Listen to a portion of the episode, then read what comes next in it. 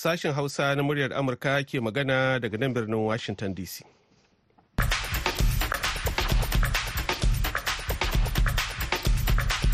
Masu sauraro, Assalamu alaikum da fatan auna lafiya har yanzu dai Ibrahim Kalmasi Garba ne tare da Zahar Aminu Fage da sauran abokan aiki muke farin cikin kasancewa da ku a wannan shiri na daren yau Juma'a biyar ga watan Janairu.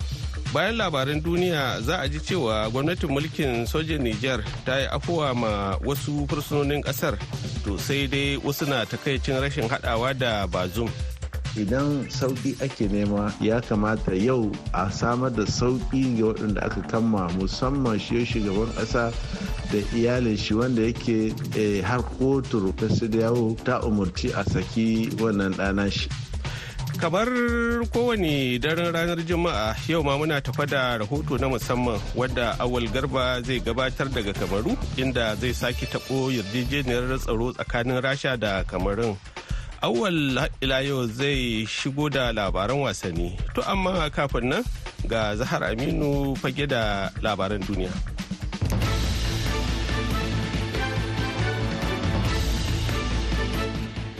Jama'a masu sauraron mu Assalamu alaikum barkanmu da wannan lokaci. Sakataren harkokin wajen Amurka a Tony Blinken ya fara ziyara a yankin gabas ta tsakiya a yau Juma'a. Ziyararsa ta huɗu kenan a yankin tun bayan fara yaƙin Isra'ila da Hamas a ranar bakwai ga watan Oktoba. Ma'aikatar harkokin wajen Amurka ta ce manufar ziyarar Blinken za ta kasance ne kan yadda za a gudanar da al'amuran Gaza bayan yaƙin. A cewar ma'aikatar harkokin wajen amurkan blinken kuma zai sake jaddada kiran da ake yi na ƙara ƙaimi wajen kai agaji ga jin kai a gaza a ziyarar tasa ta mako guda blinken zai ziyarci isra'ila da yammacin kogin jordan sannan zai kai ziyara ƙasashen turkiya girka jordan qatar haɗaɗɗiyar daular larabawa da saudiya da kuma masar. Wasu manoma masu zanga-zanga sun hana mataimakin shugaban gwamnatin Jamus Robert Habeck da matarsa sauka daga cikin jirgin ruwansu a can arewacin gabar teku da ke Shulutzel a wani mataki na nuna fushinsu. Sama da manoma 200 ne suka halarci wurin domin nuna rashin jin daɗinsu da shirin Jamus na rage tallafin man diesel don ayyukan noma. Wanda zai cike gibin biliyoyin daloli da dama a cikin kasafin kuɗin na jamus na shekarar 2024 wasu manoma sun yi ƙoƙarin shiga jirgin amma 'yan sanda suka hana su. Halin da wasu daga cikin masu zanga-zangar suka nuna ya janyo suka sosai. Alatilas habek da matarsa wanda suke dawowa daga hutu. Suka koma tsibirin halike hoge don shiga wani jirgin ruwa zuwa babban yankin. Shugaban koriya ta arewa kim jong-un ya yi kira da a faɗaɗa ƙera makaman harba makami mai linzami. Matakin da ya ce ana buƙata ne don yin artabu da koriya ta kudu da amurka kamar yadda kafar yada labarai ta ƙasar ta rawaito a yau juma'a. Bayanin na kim ya zo ne sa'o'i kaɗan bayan da washington ta ce koriya ta arewa ta baiwa rasha makamai masu linzami da na'urar harba makamai wanda kuma rasha ta yi amfani da su a baya-bayan nan wajen kai hare-hare a garuruwan ukraine. Kamfanin dillancin labaran koriya ta arewa ya nuna hotunan kim da 'yarsa ju'e suna rangadi a wata masana'antar harba makamai. Inda ya kira da ƙara ƙaimi wajen ƙera makaman. Amurka da koriya ta kudu sun zargi koriya ta arewa da baiwa rasha kayan aikin soji domin samun tallafin fasaha daga rasha wanda koriya ta arewa ke amfani da shi wajen ci gaba da ƙera makamanta. Koriya ta arewa dai ta musanta zargin. Shugaban Dakaru na musamman a Sudan janar Muhammad Hamdan Dagalo ya ce ya kuduri aniyar ganin an cimma matsayar dakatar da buɗe wuta domin kawo ƙarshen yaƙin da ya addabi ƙasarsa. Sai dai duk da haka ana ci gaba da gwabza faɗa kuma babu wani ci gaba kan shirin zaman lafiya tsakanin Dagalo da babban hafsan sojin Sudan janar Abdul Fattah Burhan.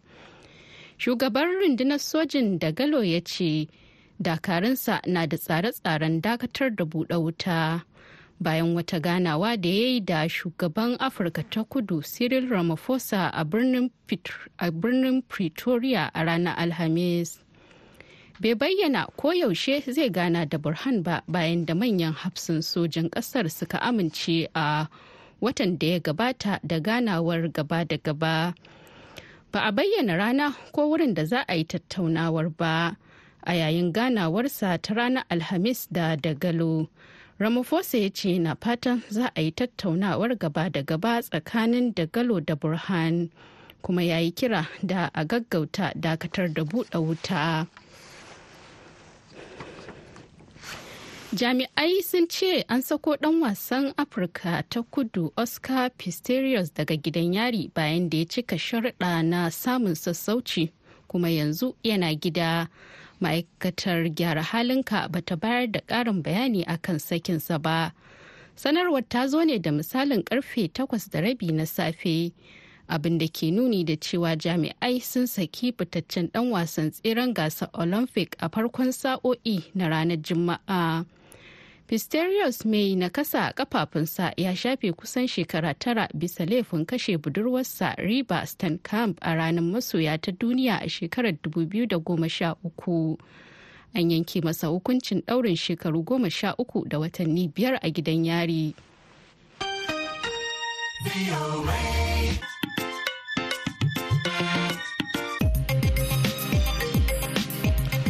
Zahar Aminu fage aka saurara da labaran duniya daga nan sashen hausar muryar Amurka a birnin Washington DC.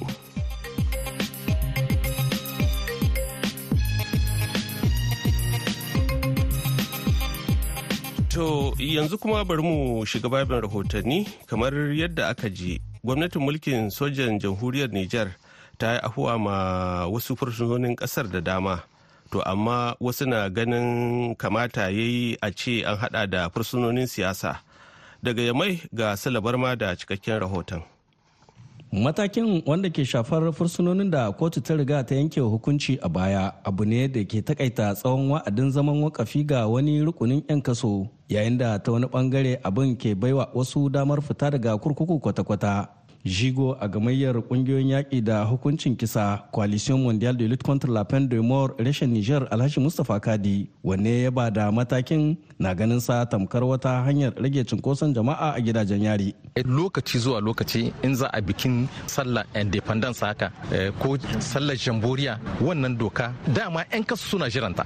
Waɗansu daga ran nan ma sun hita da gidan kasu. Waɗansu kuma hukuncin kawai kisa ne aka yi ma mutum sai abin ya sabko ƙasa sai mutum Allah ya hidda shi da cikin wannan matsala. Har mai shekara talatin wata nan sai ka ga gashi nan an sake shi bai ma yi shekara goma sha biyar ba a cikin gidan kasu tunda ba a son gidan kasu mutane suna yawa. Yanayin lafiya na daga cikin manyan dalilan da ake amfani da su wajen tantance 'yan kasan da ya kamata su ci moriyar wannan tsari. Kawal mutane masu ciwon falfadiya a cikin gidan kasu irin wannan ba a son shi. Dan ana dibin yana iya wani ya kamu ciwon tari. Wanda yake da shi ana mishi ahuwa don a hida shi daga cikin kaso. Da kwai kuma masu ciwon kansa da kwai kawa yara kankana waɗanda ba su cika ba shekara goma sha takwas minor kenan. Suna cikin waɗanda abin ya shafa da kuma waɗanda kawai lattizawa duk wanda adda shekara ya da saba'in da biyar ana iya sa shi cikin wannan ahuwa. Mata waɗanda suka aihu masu ba da nono ko masu cikuna sai a ce su waɗannan za a yi musu ahuwa. Sassauta hukuncin kisa zuwa zaman kasan rai da rai kamar yadda yake rubuce a takardar ahuwar da shugaban majalisar CNSP janar Tani ya saka wa hannu abu ne da ƙungiyoyin kare hakkin ɗan adam ke kallo da mahimmanci. in ji abdul nasir na hantsi na makarantar demokradiyya. niger ta hau da hannu bisa kan takardar da aka ce ma abolition de peine saboda abu ne wanda duka masu kare haƙƙin ɗan adam sun kaga bai cancanta ba a hana ma ɗan adam rayuwa don saboda laihi. Kuma da an san yanayin shari'a zai iya sakewa ko da akwai kuskure cikin shari'a wanda an kai ma hukuncin kisa daga baya za a iya a gyara wannan shari'a. Kasancewar matakin na zuwa a wani lokacin da ɗimbin 'yan siyasa ke kulle a gidajen yari daban-daban tun a washe garin juyin mulkin 26 ga watan yuli ya sa shugaban ƙungiyar farar hula ta fcr sule umaru an karar da hukumomin mulkin soja su dubi halin da waɗannan mutane ke ciki da idan rahama. Idan sauƙi ake nema ya kamata yau a samar da sauƙi ga waɗanda aka kama musamman shi shugaban ƙasa da iyalin shi wanda yake har kotu ta yawo ta umarci a saki wannan ɗana shi. Don haka muna ganin babban alheri a yau a wannan ƙasa ta mu shine a diba waɗanda da aka yi mariko waɗanda ba su da laifi a sake su. To sai dai matakin akuwar bai shafi mutanen da aka kama da aikata manyan laifuka ba irin su amfani da takardun bogi cin hanci halitta kuɗaɗen haram kera kuɗaɗen jabu handamar dukiyar ƙasa fataucin miyagun ƙwayoyi ta'addanci da yi wa ƙasa zagon ƙasa da bautar da ɗan adam da dai sauransu. Sule mummuni barma muryar amurka daga yamai a jamhuriyar niger to a gaida suleiman kafin mu ci gaba a ɗan shakata da wannan.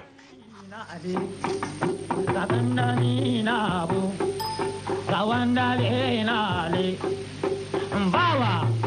Sakandami kanan adizaki lalla raba mai mota. Dodo kanan alijanki yaron da ya san kalife yana laraba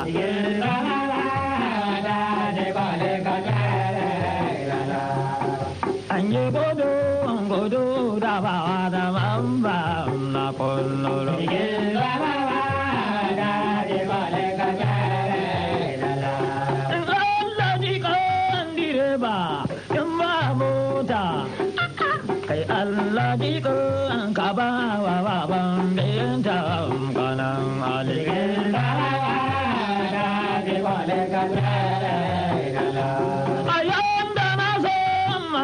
maza magulza injin na san magoga taya.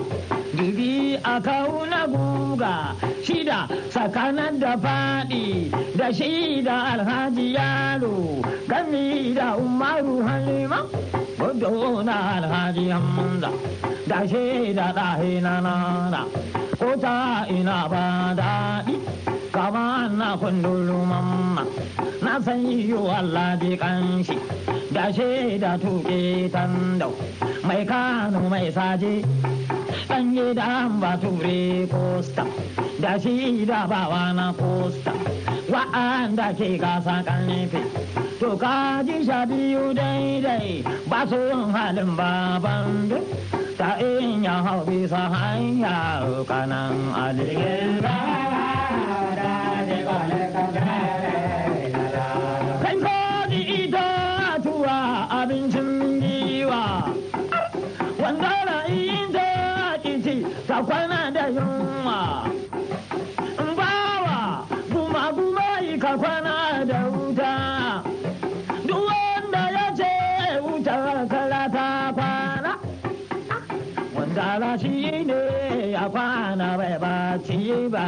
kanan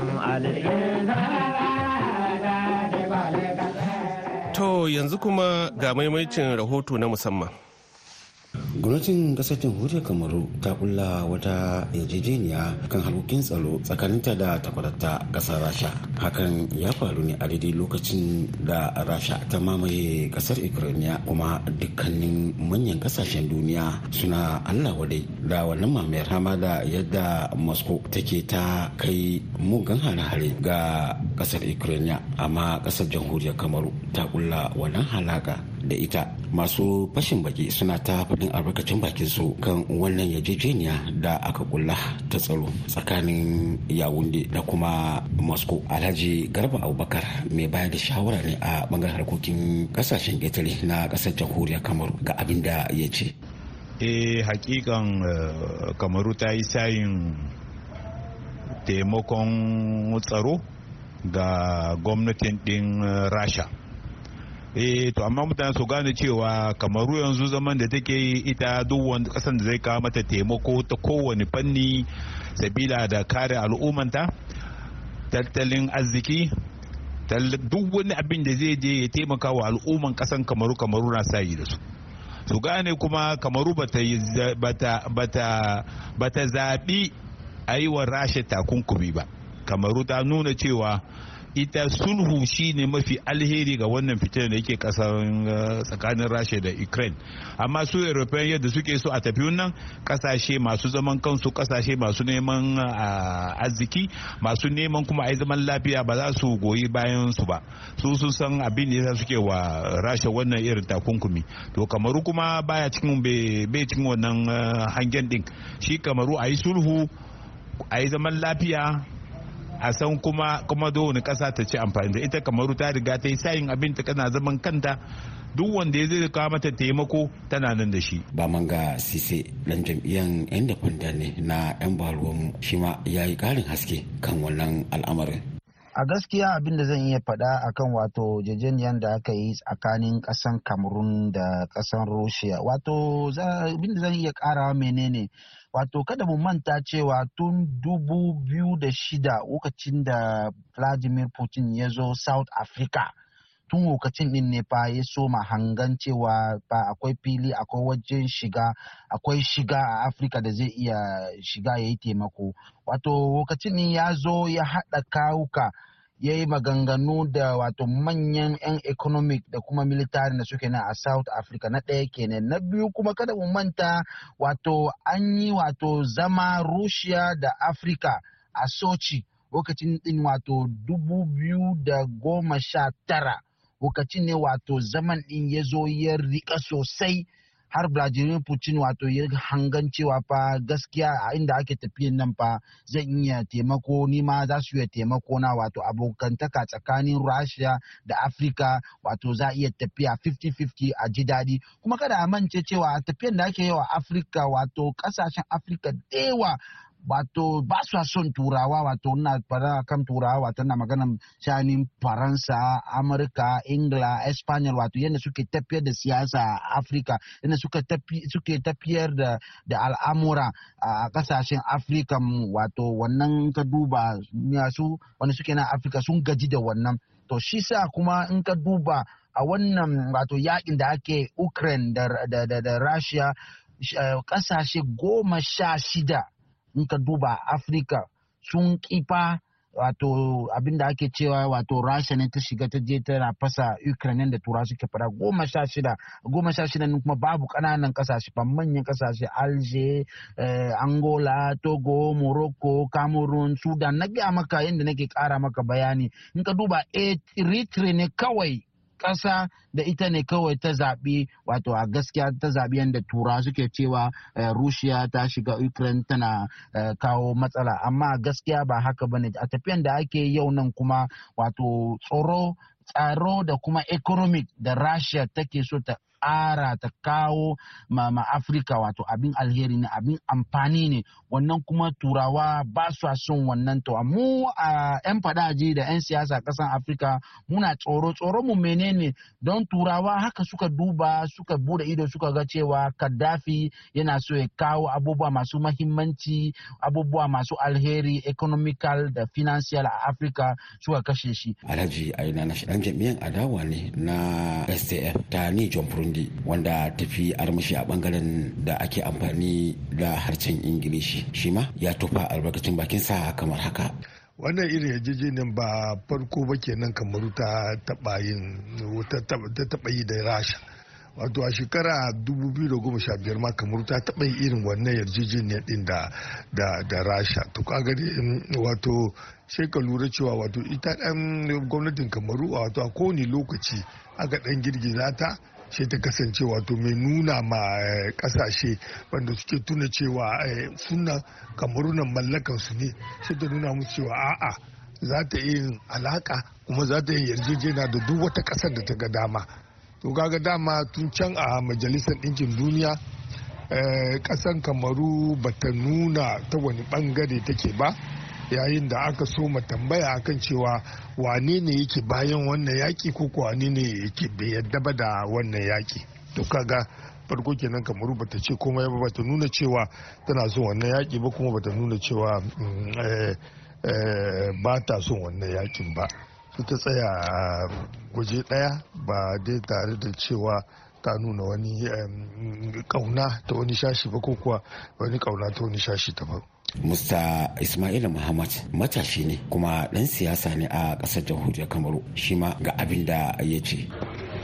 Eto wato wannan yarjejeniyar tsaro da Kamaru ta kulla tsakaninta da ƙasar Rasha musamman wannan lokaci da ake samun rikici tsakanin wato ƙasar Rasha da Ukraine wanda ya hada da ƙasashen turai da suke goyon bayan Ukraine wanda kuma suke kira da kyamaci wato kasan rasha sannan kuma wato datse duk wani alaka na kasuwanci da kuma tsaro da ƙasar rasha.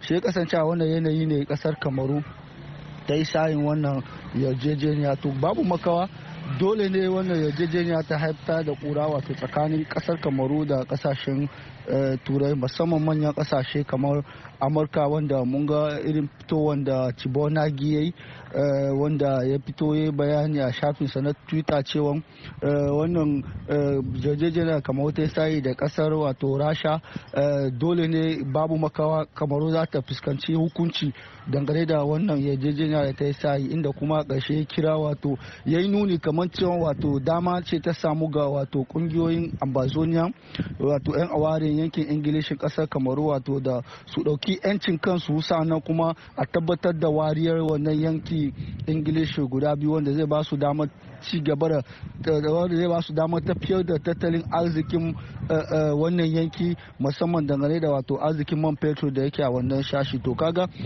wannan ya sanya koro-koro amurka za mu iya cewa a cibodagi yana kusan muryan amurka ne ta wani shashi. Za mu iya cewa amurka ta fito ta nuna wato fushinta da kuma nunin cewa dole ne kamaru za ta fuskanci hukunci. Mun san cewa kuma ƙasar faransa ita kanta ba za ta ji daɗin wannan yarjejeniya da ƙasar kamaru ta kulla da ƙasar rasha ba. Saboda ƙasar kamaru ƙasar faransa tana kan gaba jerin ƙasashen da suke kira da kyamaci ƙasar rasha musamman mun ga irin wato rikicin da yake da ƙasar mali da faransa wato a sanadiyar mali wato ta wato sanya kusanci da ƙasar rasha da kuma ƙasar santa fe wanda mun san cewa sojojin hayar wagner su suke a ƙasar santa fe suke wato kawo tsaro a madadin sojojin faransa. Mun san wato irin alakan da yake wato tsakanin ƙasashen afirkan guda biyu mali da santa fe da ƙasashen faransa a sanadiyar wato wannan kusanci da suka samu da ƙasar rasha. To babu makawa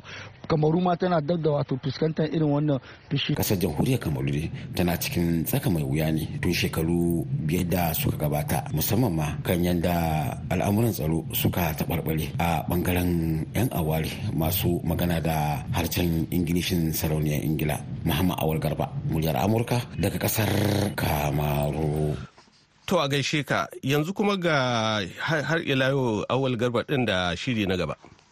Wasanni a taƙaice. Kasancewa an zaɓi tsohon ɗan takardar ƙasar jamhuriyar kamaru a kan hukumar ƙwallon kafa ta ƙasar kankafut wanda babba kenan da wani mai sana'ar ƙwallon kafa ya zamto shugaban hukumar. Lamba tara na ƙasar kuma tsohon kaftin kafu ta zafi na kulab ɗin idan mutum suna na ƙasar jamhuriyar kamaru samu da ito manazarta masana sha'anin damula a ƙasar jamhuriyar kamaru sun fara bashin baki kan irin tafiyar da ya fara. Alhaji abubakar mai faɗa ne aji a sha'anin wannan kafa a ƙasar ta jamhuriyar kamaru. Ga tsokacin da yi mana akan tafiyar sabon shugaban hukumar. Salamu alaikum alhaji awal. Zancen mai tafiyar da ƙungiyar ƙwallon kafan kasan kamaru samuel ito eh kasan asomin ya yi hanzari ya yi wasu kura ya wasu kuskure wa yanda suka so suka zo su dawo masa su jawo masa fitina. Amma a cikin tafiyan kaga ya kori da fara fara dakatar da yan aiki a cikin ina cikin wayannan kuskuren da ake zargan shi da shi. Wato ya fice gona da iri kenan. Ya zo kuma zancen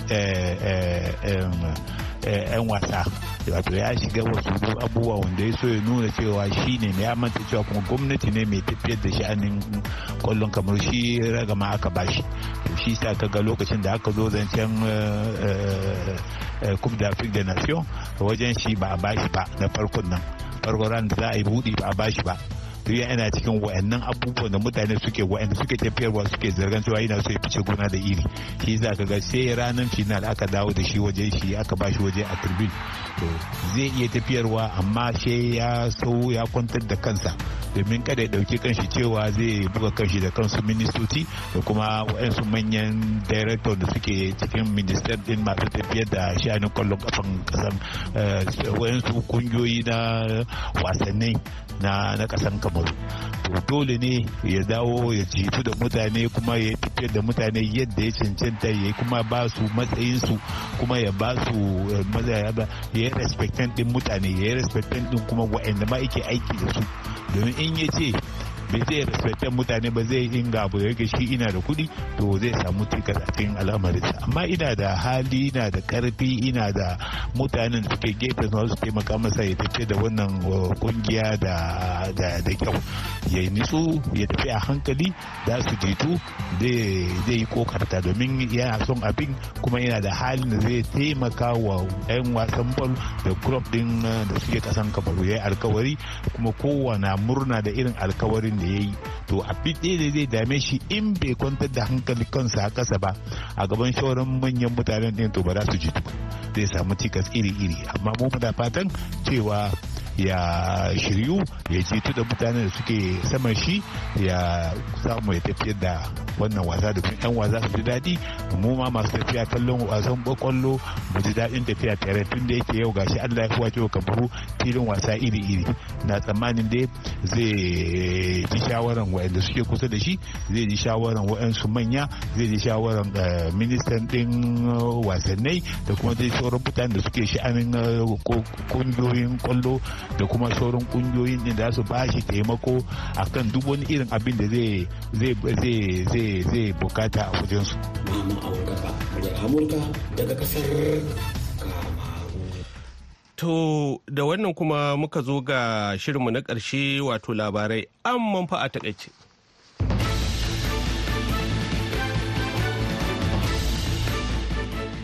Sakataren harkokin wajen Amurka a Tony Blinken ya fara ziyara a yankin gabas ta tsakiya a yau Juma'a. Ziyararsa ta huɗu kenan a yankin tun bayan yaƙin Isra'ila da Hamas a ranar bakwai ga watan Oktoba.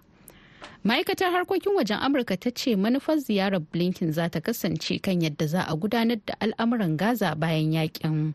Sannan Blinken kuma zai sake jaddada kiran da ake yi na ƙara ƙaimi wajen kai agajin jin kai a Gaza.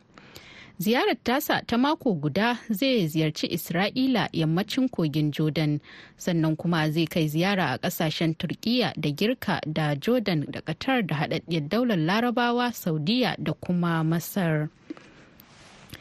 Wasu manoma masu zanga-zanga sun hana mataimakin shugaban gwamnatin Jamus Robert Habeck da matarsa sauka daga cikin jirgin ruwansu a can arewacin gabar teku da ke Shulutsil a wani mataki na nuna fushinsu. Sama da manoma 200 ne suka halarci wurin domin nuna rashin jin daɗinsu da shirin Jamus na rage tallafin man dizil don ayyukan noma. wanda zai cike gibin biliyoyin daloli da dama a cikin kasafin kuɗin jamus na shekarar 2024 shugaban koriya ta arewa kim jong-un ya yi kira da a faɗaɗa kera makaman harba makami mai linzami matakin da ya ce ana buƙata ne don yin artabu da koriya ta kudu da amurka kamar yadda kafar yada labarai ta ƙasar ta rawaito a yau juma'a. bayanin na kim ya zo ne sa'o'i kaɗan bayan da washington ta ce koriya ta arewa ta bai wa rasha makamai masu linzami da na'ura harba makamai to masu sauraro da haka muka kawo ƙarshen shirmu na wannan lokacin sai kuma gobe da safe idan allah ya kai mu za a ji mu ɗauke da wani sabon shirin kafin mu yi sallama da ku ga saƙon taya murna ga iyalan alhaji idi wudul da na sanata mas'ud aljibril doguwa da za a ɗaura auren 'ya'yansu asama'u shehu idi wudal husna da sagir mas'ud aljibril doguwa. Gobe asabar a gidan marigayi alhaji idi wadal wanda ke gwangwaje kwatas kano. Allah ba da zaman lafiya da albarkar aure amin. Yanzu a madadin zahar aminu fage da ta taya ni gabatar da shirin da producer mu yona nandudo mayi da kuma injiniyan mu na yanzu patrick ni ibrahim kalmasi garba ke muku fata alheri. Wassalam.